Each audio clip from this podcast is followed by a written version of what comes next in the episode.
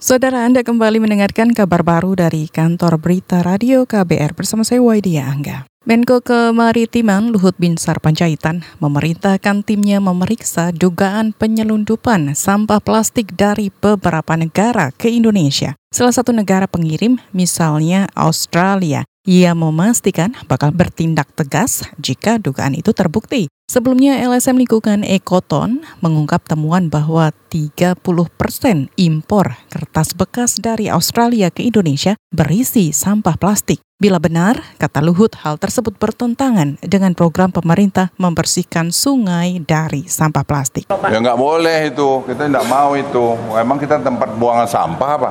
Nggak boleh itu, kita nggak mau. Saya udah larang juga sampah plastik datang ke anu kok, ke Batam. Ini di Jawa Timur sih Pak, di Kali Berantas. Lah iya, saya bilang itu Kami udah kirim tim pagi ini ke sana Pak untuk periksa. nah itu Pak Safik. Kami cek dulu sebelum ke lapor ke Bapak, cek Ya verifikasi. Itu tadi Menko Kemaritiman Luhut Binsar Panjaitan. Deputi Sumber Daya Manusia Iptek dan Budaya Maritim Safri Burhanuddin menambahkan baru menerima laporan itu kemarin. Menurutnya kandungan plastik yang diduga mencapai 30% itu jauh di atas batas toleransi yakni 2%. Ia memastikan bakal mengecek temuan ekoton dan segera bersikap. Menurutnya pemerintah Australia atau negara lainnya bisa dinyatakan bersalah karena lalai memeriksa produk yang diekspor.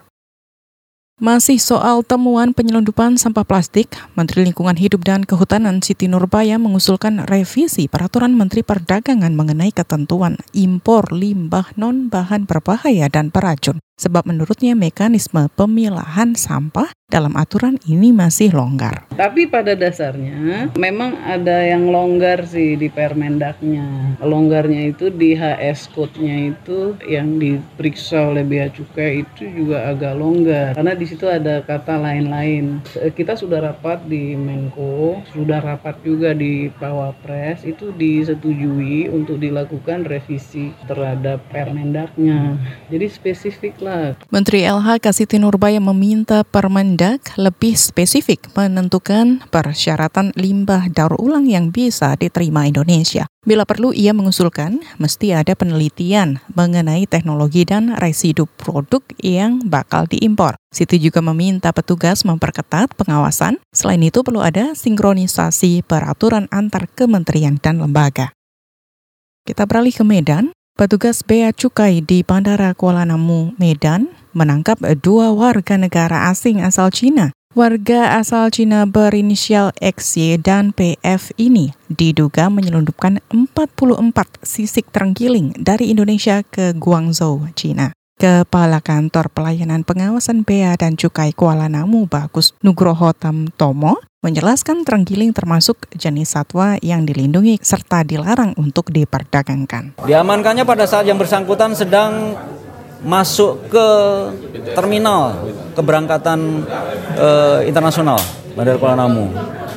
Jadi berdasarkan hasil pindai X-ray oleh kawan-kawan dari APSEC itu ada dilihat image yang mencurigakan Kedua WNA Cina itu terancam dijerat pasal dalam Undang-Undang Kepabeanan dan Undang-Undang tentang Konservasi Sumber Daya Alam Hayati. Bagus menambahkan dua pelaku diduga merupakan tenaga kerja asing di proyek pembangkit listrik kawasan Humbang Hasundutan, Sumatera Utara. Demikian kabar baru dari KBR, saya Waidia Angga.